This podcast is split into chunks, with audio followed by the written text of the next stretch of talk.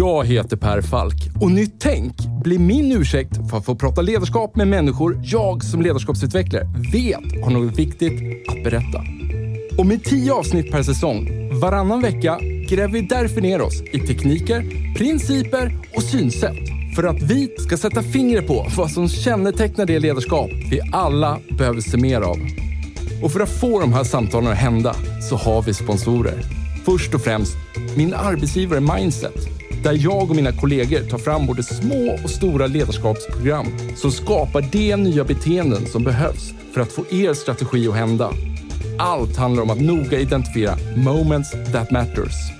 Samt Promote, som är den självklara digitala plattformen för dig som vill skapa effektfulla lärresor och ett mätbart resultat i verksamheten.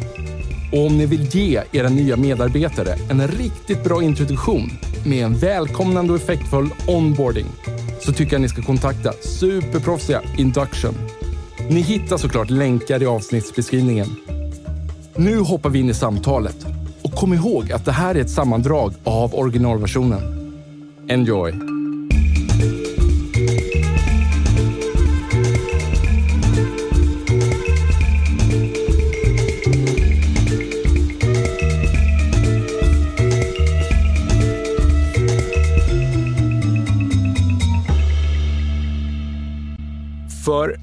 Cirka ett år sedan, förra hösten, så jag var inne i en period där jag hade ett tungt projekt på jobbet. Det var också andra projekt som tidigare hade blivit försenade så att de ramlade in då när de inte riktigt var, var tajmade men måste ändå göras. Jag hade legat sjuk och var då sängliggande, men sen blev jag liksom aldrig riktigt frisk för det där. Så jag kanske gick i två, tre veckor med liksom lite småont i halsen, kände mig tung i kroppen. Jag kommer ihåg att jag tränade ingenting där, för att det, det kändes inte som kroppen ville ut och springa helt enkelt. Ehm, jag har små barn hemma som tar bandbredd på morgnarna, kvällarna, nätterna. Jag hade en friggebod som hade beställt, som jag skulle bygga då förra sommaren, som blev försenad även den. Så den, den kom först efter sommaren. Så jag stod varje helg och höll på att bygga på den här för att få på taket då innan eh, höststormarna skulle komma. Och det visade sig också att det var en felleverans, så att den här frickeboden då hade allvarliga brister och det tog väldigt mycket tid att, att få återförsäljaren att, att förstå vad det var som behövde åtgärdas. Och i hela den här soppan då så fick jag plötsligt ett uppdrag på jobbet där jag skulle hoppa in för en kollega, för han hade blivit sjuk. Mm. Så jag skulle hoppa in i en endagars grej. Egentligen ett rutinärende i sig, men, men liksom, i och med att jag fick hoppa in snabbt så, så, kunde jag inte förbereda mig på det sättet som jag riktigt brukade kunna göra. Mm. Och på morgonen då, när det är dags för det här, när jag vaknar, så, så bara känner jag att jag får liksom en känsla, jag har liksom strålande smärta. Det sticker i fingrarna, händerna. Jag har smärta i armvecken och biceps. Och jag får liksom känslan av att självklart kunde jag lyfta av mig täcket från sängen. Det, det var inte så att jag inte kunde göra det, men jag fick en känsla av att kraften som behövdes för att lyfta täcket åt sidan för att gå upp kändes som att det blev mjölksyra då i biceps. Du nickar nu som att du har hört det här förut. Ja, det har jag ja, hört många ja, gånger, ja. men berätta mer. Ja. Mm. och jag, jag inser ju liksom att jag har ju också hört det här på jobbet när jag drivit program och, och jag har eh, vänner och kollegor som har drabbats av det här. Jag vet ju direkt vad det här handlar om. Jag förstår ju liksom att nu, det är en stressreaktion. Kroppen egentligen bara säger åt mig, ligg kvar i sängen. Res ja. inte upp, gå inte upp. Plats. Plats. Men jag gör ju inte det, utan jag tar mig upp av liksom, någonstans, också någon så här pliktkänsla. Liksom. Jag är ju inhoppet för den som är sjuk. Mycket ansvar där. Verkligen. Och, och, och, och, ingen, liksom, jag vill inte lägga någon skugga här över min arbetsgivare, för hade jag ringt, ringt och bara sagt som det var så hade de ju bara avbrutit allting. Men, men det gör jag inte, utan jag går upp, tar mig iväg och, och gör eh, det här uppdraget och eh, på något sätt tar mig igenom den här dagen utan och att eh, de jag träffar, de märker nog ingenting på mig. Men mm. inombords så mår jag ju inte bra. Avslutar det jag har gjort, hoppar in i en taxi och så åker jag till en akutavdelning. Ja, och där säger de, har du haft mycket stress på sistone? Alltså, så här, den, eh, jag kom ju in dit och jag brukar kunna vara rätt saklig i min personlighet, så att det jag gör är att bara säga som det är. Jag har nog en stressreaktion just nu och de frågar mig idag, kom det precis? Nej, det kom i morse, men jag kommer in nu. Och den blicken som jag fick eh, förtjänade jag för, förmodligen. Då, då, Men sen så gjorde ju de det de skulle göra, bara kolla då att, nej, att det inte var något problem med hjärtat eller liknande. Då. Eh, men min fråga till dig här nu, vad är det som händer här och då? Ja, utifrån hur du berättar hela uppladdningen inför det som låter som en panikattack då. Eh, där har du ju det här, alla klassiska ingredienser med en ambitiös eh, huvudrollsinnehavare som har ett stort ehm, som har en stor ansvarskänsla, som är duktig, som är lojal, som vill göra ett bra jobb och som kämpar med en väldigt, väldigt utmanande uppgift, ett stort projekt och sen så har du de här andra projekten som laggar efter och som plötsligt börjar göra sig påminda. Du har plötsligheter i form av plötsliga inhopp och så har du också en långvarig förkylning i kroppen så det har ju ackumulerats en väldig massa eh, belastningar, stressfaktorer och barnen hemma också. Vilket då inneburit att du under en period av säkert många månader inte haft en chans att ladda batterierna, varva ner. Hur sov du under den perioden förresten? Alltså sömn eh, har alltid varit lite mitt hemliga vapen på så sätt att jag gillar att sova och jag, jag kan sova mycket och jag har alltid haft lätt för att somna faktiskt. Mm. Och, och, men jag vet, det var också som att jag tog upp det här med småbarn och natten och så vidare. Så här, nej, men lite ryckvis. Eh, må, många gånger man vaknar under samma natt och så mm. vidare. Mm. Ja. Och lever man så under längre tid, alltså inte en månad, två månader, men mm. åtminstone sex månader och många gånger blir det mycket mer än så. Mm. När man kämpar på, kämpar på, kämpar på och försöker ställa om och när plan A fallerar så hoppar man över till plan B. Och, mm. ja, det här slitaget pågår ständigt, ständigt, ständigt. Så det är klart att förr eller senare så händer det någonting. Alltså någon negativ effekt på hälsan kommer ju. Ofta mm. så kommer det smygande gradvis, att vi kanske sover sämre, mm. inte bara för att barnen väcker oss utan för att vi tar med oss problem in i sovrummet och försöker lösa dem där nattetid. Mm.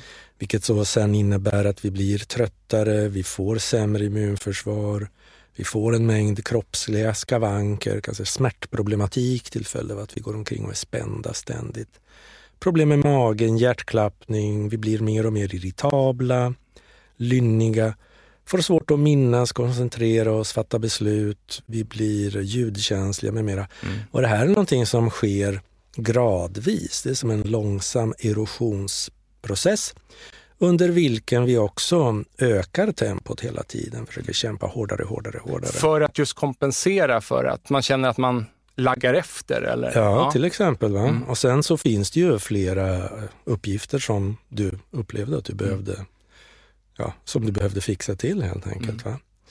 Och som du säger då, märker man att man börjar bli tröttare än vanligt och glömskare än vanligt så blir ju kampen hårdare för man behöver ha kontroll mm. på sig själv. Man behöver få igång sig själv när man är trött. Mm.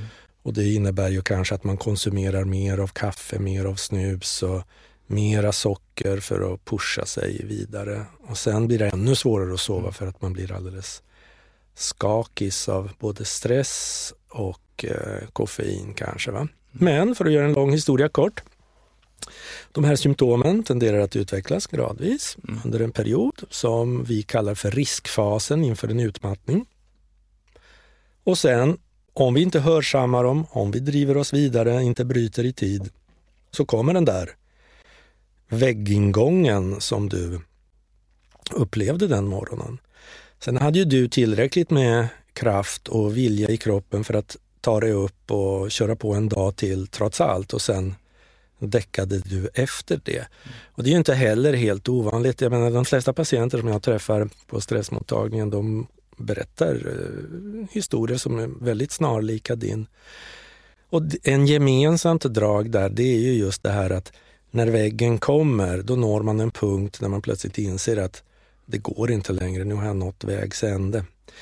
Du kunde se att det var stress och på något plan kunde du se att du eh, hamnat där du hamnat utifrån livsomständigheter där du försökt bemästra någonting som inte var hållbart i det långa loppet. Och eh, jag vet inte, men utifrån din berättelse så hörde jag inte att du började anklaga dig själv för att vara svag och misslyckad. Nej, det gjorde jag inte. Utan, men däremot så kunde jag då så här, man började ifrågasätta sin egen förmåga att driva projekt. Uh -huh. Alltså sådär kanske, eller har jag tagit på mig för mycket? Och så vidare och så vidare. Men det var också så här att i det här fallet nu då, så jag var ju på akutavdelningen, sen åkte jag hem och sen sov jag. Mm. Jag mhm. bara gick och la mig med en gång. Jag, jag ställde in um, allting vad gäller privata grejer på helger och sådär. Jag hade en annan grej som jag ställde in. Eh, det löste sig med den här friggeboden. Jag fick en uppgörelse med leverantören. Det var många grejer som, och det här projektet, stora projektet löste ut sig. Det var många grejer som låg och tryckte på mig, men som på en, också en, en rätt snart efteråt försvann. Mm. Och i och med det då så, så kände jag att jag, jag klarade mig rätt lindrigt. Jag, jag återhämtade mig några veckor och sen kändes det bra igen. Jag gjorde ett uppföljningssamtal med en, en läkare också. Eh, jag har varit väldigt observant på mig själv efteråt. Jag har lagt om vissa vanor. Jag har försökt gå ut och, och gå en promenad på morgonen mycket oftare efter lämning och så vidare. Ehm, jag har haft någon gång efteråt när jag känt att jag blir stressad på jobbet så har jag fått tillbaka den känslan på biceps mm -hmm. och armvecket. Inte lika mycket, men lite grann. Och den har liksom känts, varit som en liten påminnelse att okej, okay, nu måste jag agera på den här känslan på något sätt. Det är din stressbarometer. Ja. Du kanske, om du vill, kan du drista dig till att vara tacksam att du har den, för den talar om för dig när du är på väg att kliva över gränsen och du behöver backa. Det är väl lite så, ett mm. feedbacksystem. Mm. Just det. Ja. Giorgio, du ska få en chans att presentera dig också. Vem, ja. vem är du? Jag är eh, docent i medicinsk psykologi och jag har en bakgrund som forskare vid Stockholms universitet och Karolinska institutet. Och jag jobbar framförallt kliniskt som psykoterapeut på en mottagning som heter Stressmottagningen och ligger här i Stockholm. Och stressmottagningen är en specialistmottagning där vi tar emot personer som har gått in i väggen, alltså utvecklat utmattningssyndrom. Så vi jobbar med ett ganska så sammansatt och långvarigt rehabiliteringsprogram för de allra hårdast drabbade. Och jag har ju faktiskt, den här promenaden som jag gör på morgnarna, det gjorde jag nu i, i morse. Mm. Eh, och då ringde min moster mig. Mm. Eh, hon är över 90 år. Okay. Och jag, jag, pratade med henne eh, och så förklarade då att jag skulle träffa dig här. Podcast är lite diffust för henne då, så här, men, men jag pratar i radio, brukar mm. jag beskriva det som. Och det är good enough. Men när hon då hörde att, att jag skulle träffa då en stressspecialist att ja, men det är ju bra för dig Per. Eh, då kanske du kan lära dig någonting. Eh, ja, och, och det är ju faktiskt därför du är här också. Mm, mm. För att jag kom i kontakt med dig på, på, grund av den bok du har skrivit tillsammans med Kerstin Geding. Vägen ur utmattningssyndrom. Ja. Ja. Och jag tänkte så här att det här avsnittet, syftet med det är att jag vill att folk ska bli bättre på att tolka sina egna signaler mm. så man kan söka hjälp tidigare. Jag vill att vi ska få en bättre förståelse för om någon i vår grupp, vår team eller en nära anhörig utvecklar de här symptomen och vad man kan göra åt det. Och sen såklart så vill jag ju liksom lära känna mig själv lite mer och vad, jag kan göra åt det här för att det inte ska hända igen och så vidare. Mm. Innan vi bara gräver djupare i det här, jag brukar alltid fråga så här, finns det någon myt kring det här som du omedelbart vill bara ta upp på bordet här och, och dra undan? Nå, någon missuppfattning? En vanlig missuppfattning det är att utmattningssyndrom skulle handla om att man är svag, bräcklig, känner efter för mycket eller har blivit lat. Och eller har blivit lat. Då. Och de som har de här förutfattade meningarna det är ofta de drabbade själva många tycker själva att de har blivit eh, veklingar till följd av stressen och att de känner efter för mycket. Och detta inte minst när de har en bättre dag där de känner sig lite piggare och kanske känner sig nästan som de brukar göra när de är friska, då kan det komma sådana tankar. Ja, men jag har väl inbillat mig allting, det är väl bara skärpa sig. Men sen dagen efter när de har försökt att skärpa sig och pusha sig en del mm och trillar ner i den djupaste utmattningskällaren igen, då vet de att det var ingen inbildning. Och en annan myt det är att det här är någonting som löser sig bara det får tillräckligt mycket tid. Mm. Många som drabbas är ju väldigt upptagna av frågan hur lång tid ska det här ta? Mm. Och så Vi gillar ju att ha kontroll. Ja, eller hur? Ja. Och vilket då är på något sätt en del av problemet kanske. Va? Eh, hur som så, visst, tiden brukar vara lång om man inte har drabbats lindrigt så som du gjorde. Men annars har man kraschat hårt in i väggen, då kan det ta hur lång tid som helst. Men det viktiga det är ju beteendet, hur, på vilket sätt man lägger om sina beteendemönster. Så det är det viktigaste och inte tiden. Mm. Men tillbaks då till utmattningen här. Ja. Du har ju nämnt en mängd olika symptomer och signaler, men vilka är de viktigaste att ha koll på? Då? Mm. Svårt att säga vilka som är viktiga, men en som är väldigt viktig det är ju sömnen. Mm. Okay?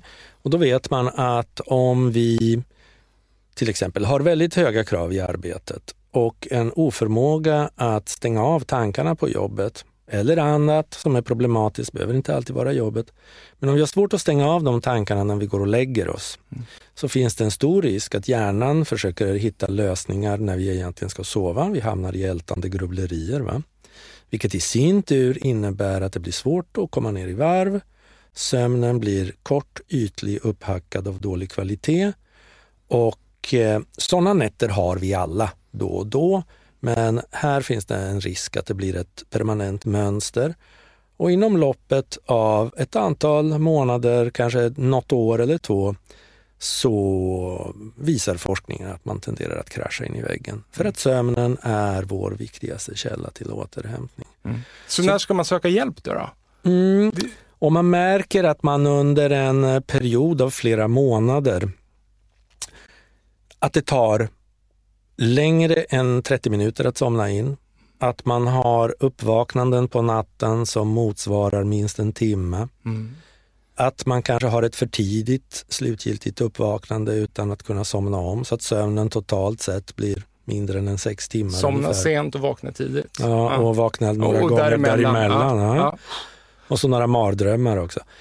Ja, och att man sen har konsekvenser av detta dagtid, att man är trött och seg. Då, har man, då uppfyller man kriterierna för något som heter insomni, vilket är då en oförmåga att sova som man behöver ta hand om. Mm.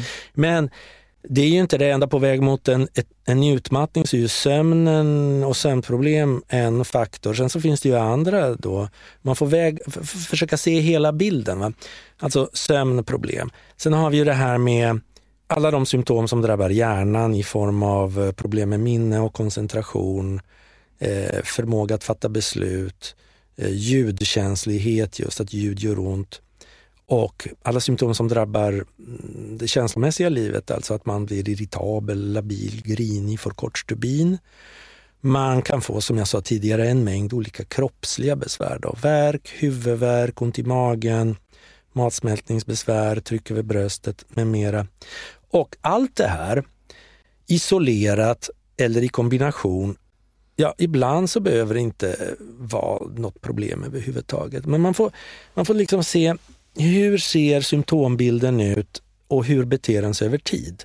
Är det enstaka stresssymptom som kommer i lätt form utan att det påverkar min förmåga att hantera vardagen nämnvärt och det är under en tidsbegränsad period?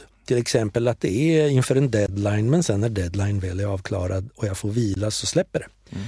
Eller är det här en grupp symptom som bara blir värre och värre och värre med tiden, ackumuleras, det blir fler och fler och så blir det svårt att fungera i vardagen.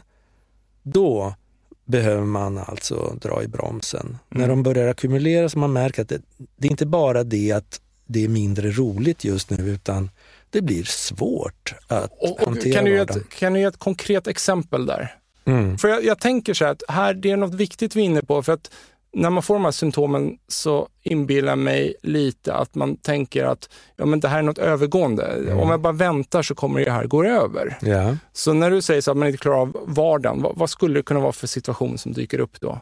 Om du bara tar något som du har hört från dina patienter. Ja, nu får du betänka att jag jobbar ju med de riktigt, riktigt sjuka, så de här lättare de, de träffar jag ju Good väldigt point. Good point. Ja. Men i alla fall en klassiker skulle kunna vara att Fast då, jag inser det när jag tänker på det, då har man ju passerat gränsen för när man skulle behöva söka Ja, och det är, det är den där det är den linjen jag vill försöka hitta. Ja. För jag kan ta ett annat exempel från mig. Mm, nu, mm. Jag är ledsen, nu avbröt jag dig, men jag vet att efter det här hände som jag, som jag berättade om, om jag tittar tillbaks historiskt, mm. så så började jag se andra grejer också ur ett lite nytt perspektiv. Jag vet att jag varit inne i en liknande period där jag gick med huvudvärk i tio dagar. Mm.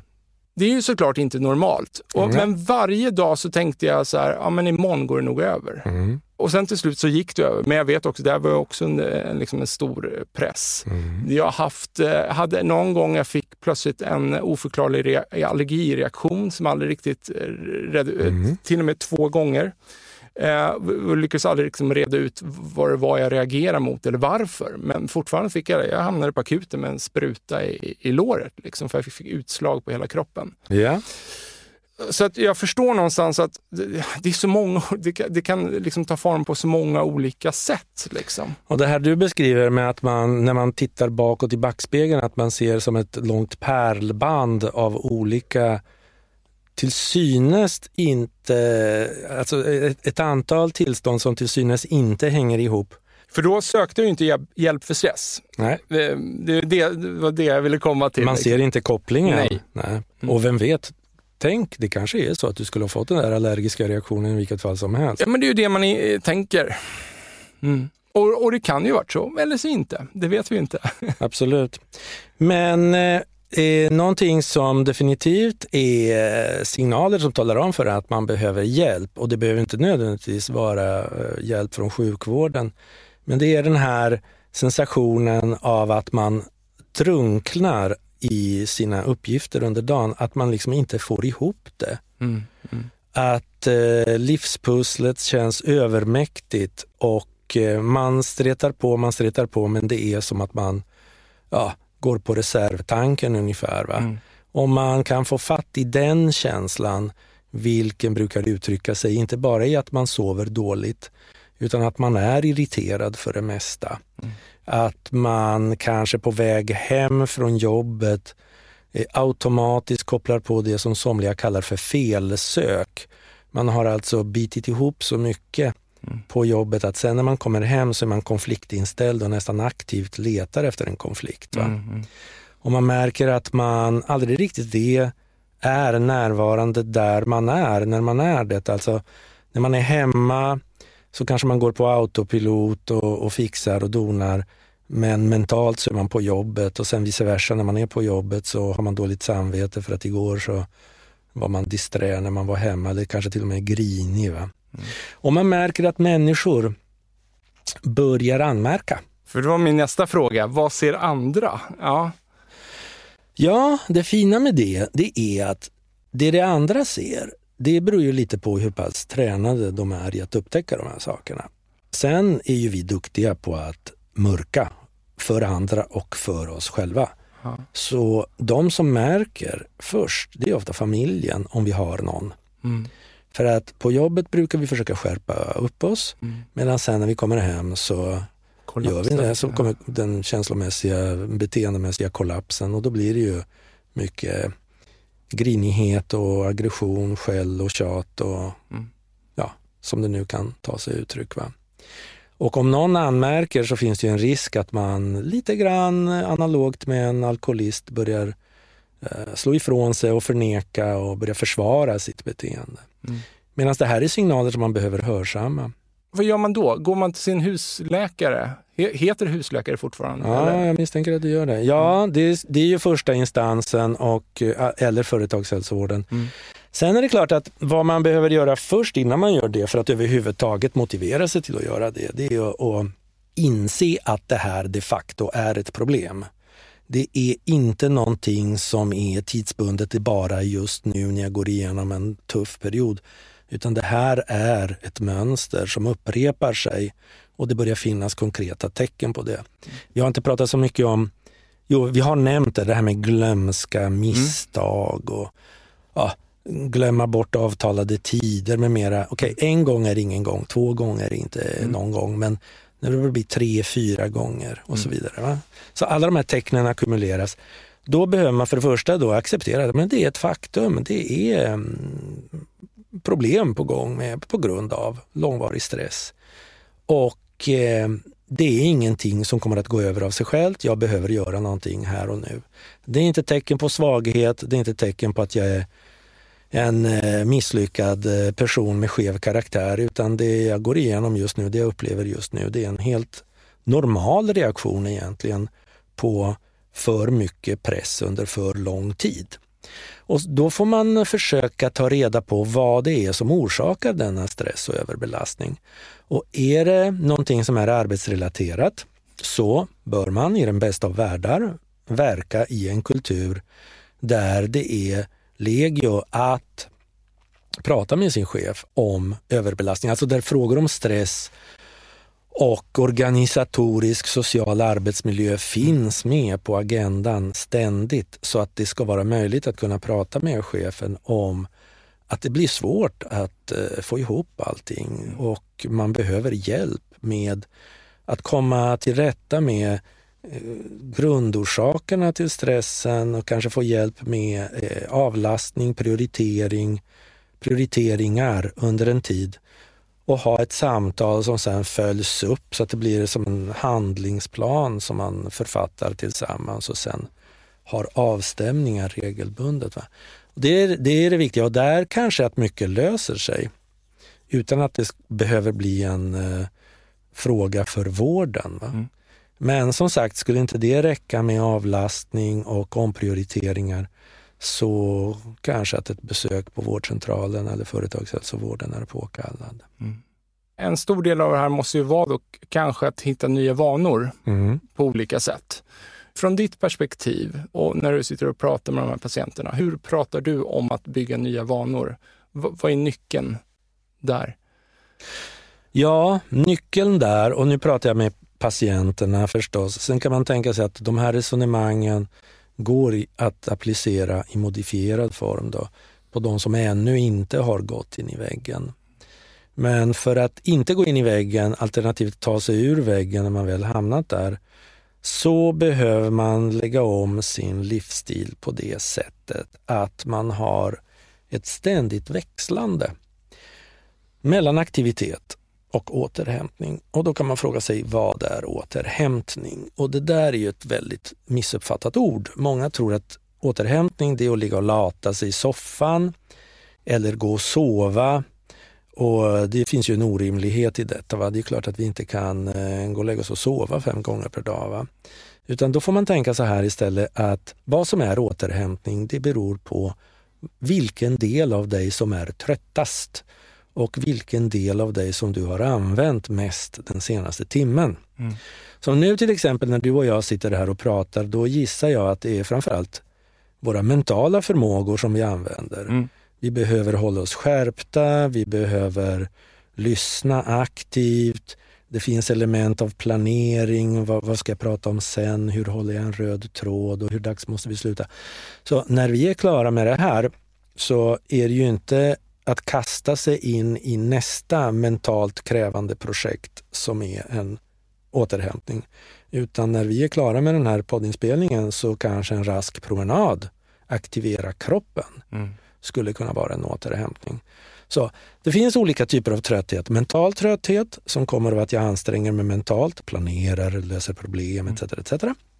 Vi har en fysisk trötthet som kommer av att jag använder kroppen helt enkelt.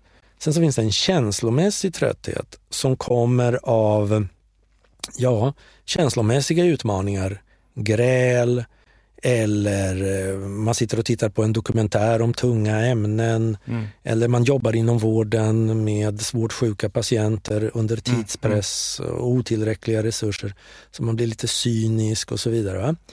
Och sen så har vi också den fjärde typen som är sömnighet och den botas ju bara med sömn som då bör reserveras för natten. Har man problem med sömnen så behöver man ha fasta tider då man går och lägger sig, då man går upp och det är en hel vetenskap i sig. Men under dagtid så behöver man då hitta sätt att utifrån de förutsättningar man har mm.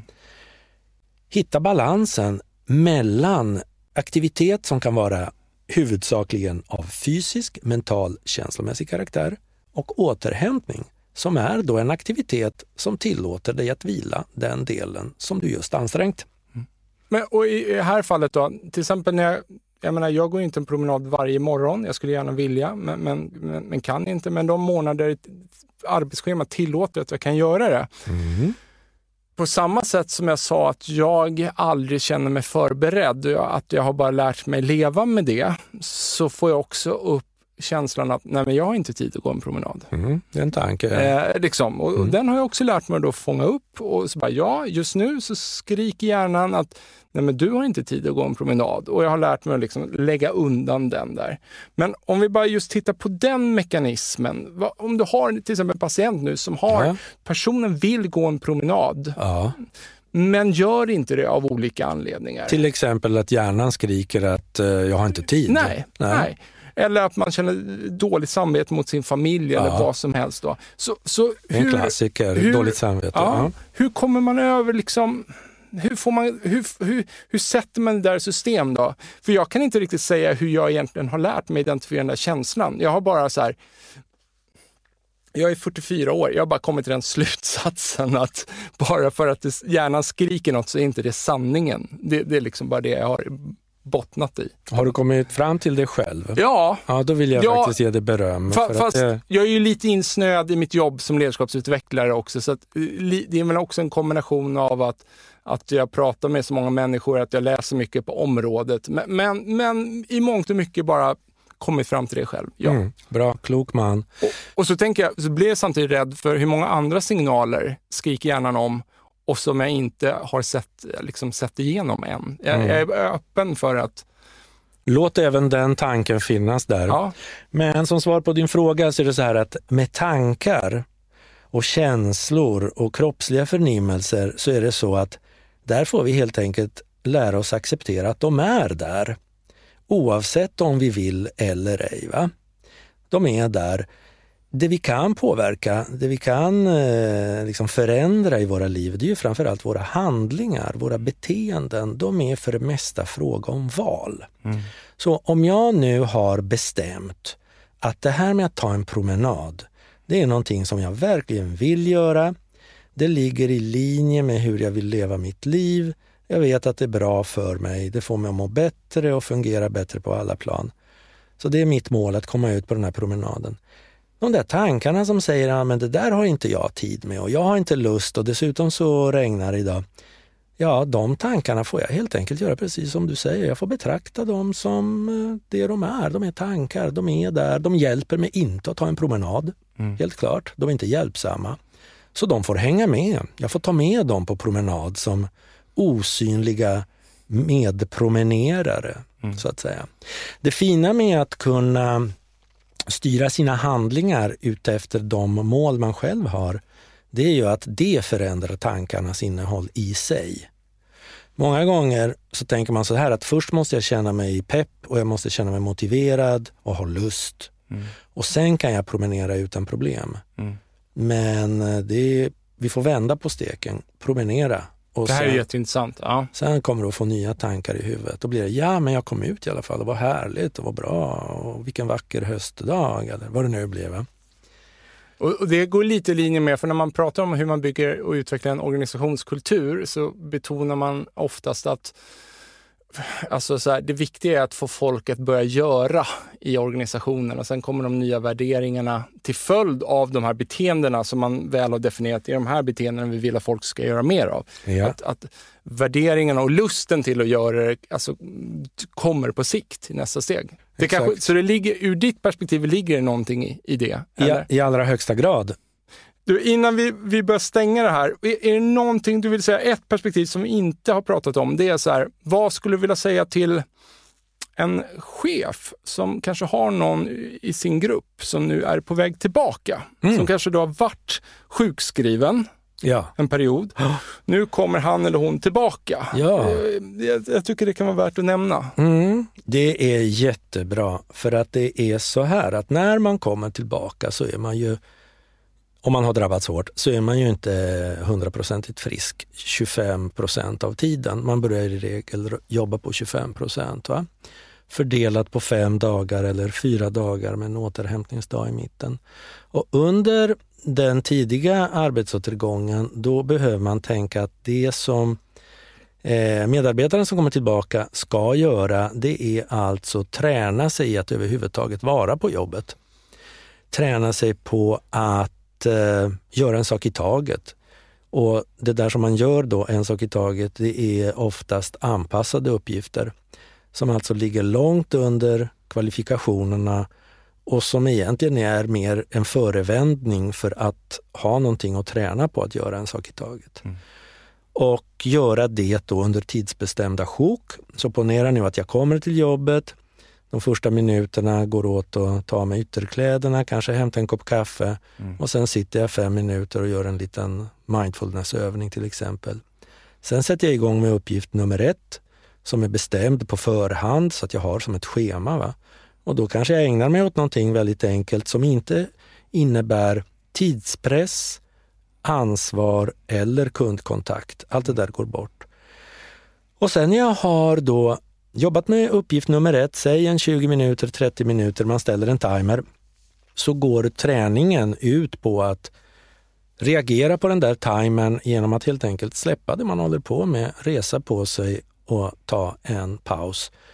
Och vad man gör konkret under den pausen, det ska man också ha planerat in i förväg. Så då mm. vet man att klockan 11, ja men då reser jag på mig, jag går ut, jag tar ett varv runt kvarteret.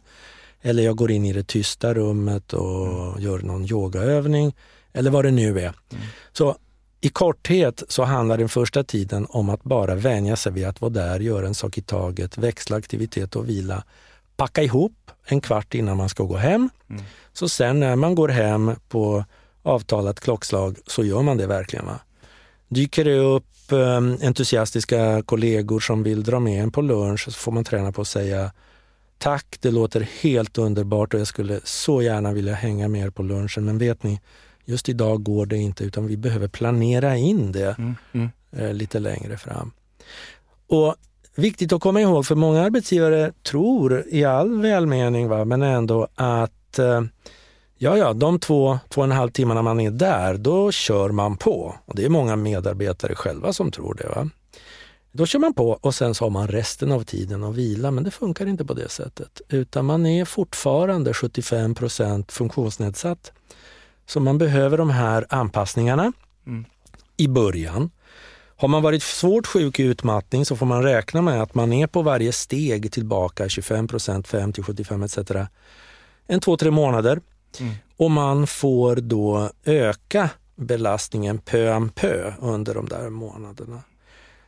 Man får också räkna med att vid varje ökad belastning, till exempel när man går från 25 till 50 procent, det är en dubblering av tiden. Mm. Det viktiga är först att bara dubblera tiden men inte uppgifterna. Mm. Sen med tiden fyller man på. Och Varje ökning innebär ett symptompåslag som man behöver värdera. Man blir tröttare, man blir virrigare och så får man se hur det utvecklas över tid. Efter tre, fyra veckor brukar det lätta om det inte är så att man har gått tillbaka i gamla spår. Skippar sina pauser, jobbar över lunchen, jobbar övertid, börjar ta på sig är andras det uppgifter. Det är vanligt. En fjärdedel av våra patienter kraschar en gång till åtminstone. Mm. Och det är för att man går in i den här fällan att jobba 100% två timmar om dagen. Va? Har de en känsla av att ja, men det är lugnt, jag fixar oh ja. det här. Oh ja. Det här tillbaks igen, att bara för att hjärnan säger någonting så behöver inte det vara sanningen. Liksom. Exakt, ja. och det är precis som du så klokt påpekar, man behöver verkligen vara varse att det finns luriga tankar som kan, vara lite, som kan se lite olika ut beroende på vilken fas man befinner sig i. Mm. Och det här du beskriver att det är lugnt nu, jag har läget under kontroll. Det är efter en längre tid där man tycker att saker och ting funkar ganska bra, man har ganska gott om energi, mår bra, så vill man gärna glömma bort den där tråkiga incidenten med utmattningen som man hade under x antal år. Det känns ju extremt viktigt då att den här chefen för den här gruppen då, där den här personen kommer tillbaks till på något sätt införstådd med att så här lägger vi upp rehabiliteringen nu då. Ja. Och att man sen håller till det oavsett vad den här personen säger. Ja. Så är det så här, det är det här som gäller. Ehm, så och här... ha täta avstämningar, mm. absolut, och se till att man håller mm. man, man håller sig på spåret. Visst, så chefen behöver där fungera som bromskloss. Det är ju också viktigt då ur rehabiliteringssynpunkt att de kliniker som är inblandade i rehabiliteringen har resurser som hjälper cheferna och medarbetarna som ska tillbaka att lägga upp sådana här planer. Mm. Så hos oss till exempel har vi enormt skickliga arbetsterapeuter som är väldigt aktiva i mm. detta. Mm. Kan det till och med ge bestående skador? Då? Definitivt. Definitivt. Alltså, Ja, definitivt. Med reservation för att vi inte har forskning som styrker detta. Så definitivt säger jag utifrån min erfarenhet, får jag mm. väl säga. Då. Men visst är det som så att om man fortsätter med samma livsstil som innan kraschen, om tillvaron runt omkring personen i fråga fortsätter att vara stressfylld och utmanande, mm. Eh, alltså stressen bara pågår och pågår och pågår, så får ju inte hjärnan en chans att återhämta sig och då skulle jag vilja hävda att det är definitivt mm. så. Va? Så än en gång då, trycker på vikten av att man också är observanta på varandra inom teamet, mot sina arbetskamrater, när man märker att, eh, att en person börjar agera på ett nytt sätt, eller mot sin partner hemma om man lever med, i en familj. Fånga upp det här så, i så god tid det bara går och att man tar det på allvar. Ja, och för att det ska kunna fungera på ett bra sätt att sen ha de här samtalen så behöver det finnas en miljö där det är accepterat att prata om de här sakerna utan att det ska vara något, något, något jättekonstigt och svårt. Ja, och jag är ju, jag, vi har berört det i flera avsnitt här eh, och jag tar upp det igen för att jag tror så, det kommer så enormt mycket gott med det. Inte bara ur det här perspektivet utan vad vi från ledarskapssidan kallar psychological safety. Alltså att, att man får visa sårbarhet mm. utan att bli nedskjuten. Liksom. Yeah. Mm. Och där är ju cheferna utmärkta som role models. Ja, det är ju de, så, ja, såklart, mm. såklart. De måste ta första steget för det mesta om det här inte finns. Eh, annars kommer det inte hända. Men bra. Um, Ja, men du, jag har tagit med mig jättemycket från det här samtalet och jag har också suttit och funderat på, jag blir ännu mer fast i min övertygelse eh, att fortsätta med vissa nya vanor jag har börjat med och hålla ännu hårdare i dem. Stort tack för att du kom. Och vad, om man vill höra mer, vi, vi kommer lägga ut en länk till din bok som återigen du har skrivit med Kerstin, Kerstin Geding. Ja. Exakt. Hon får cred också här. Vi lägger ut den i, en länk till den i poddbeskrivningen, men om man vill få tag på dig mm. av någon anledning, man kanske vill höra dig prata mer om det här ämnet eller kanske behöver hjälp eller kanske som arbetsgivare vill veta mer vad ni kan göra. Hur, hur får man kontakt på dig? Ja, då kan man surfa in på vår hemsida www.stressmottagningen.com. Stort tack för att du kom. Tack själv. Hörni, tack till våra sponsorer Mindset, Promote samt Induction för att ni tror på den här produktionen. Ta hand om er.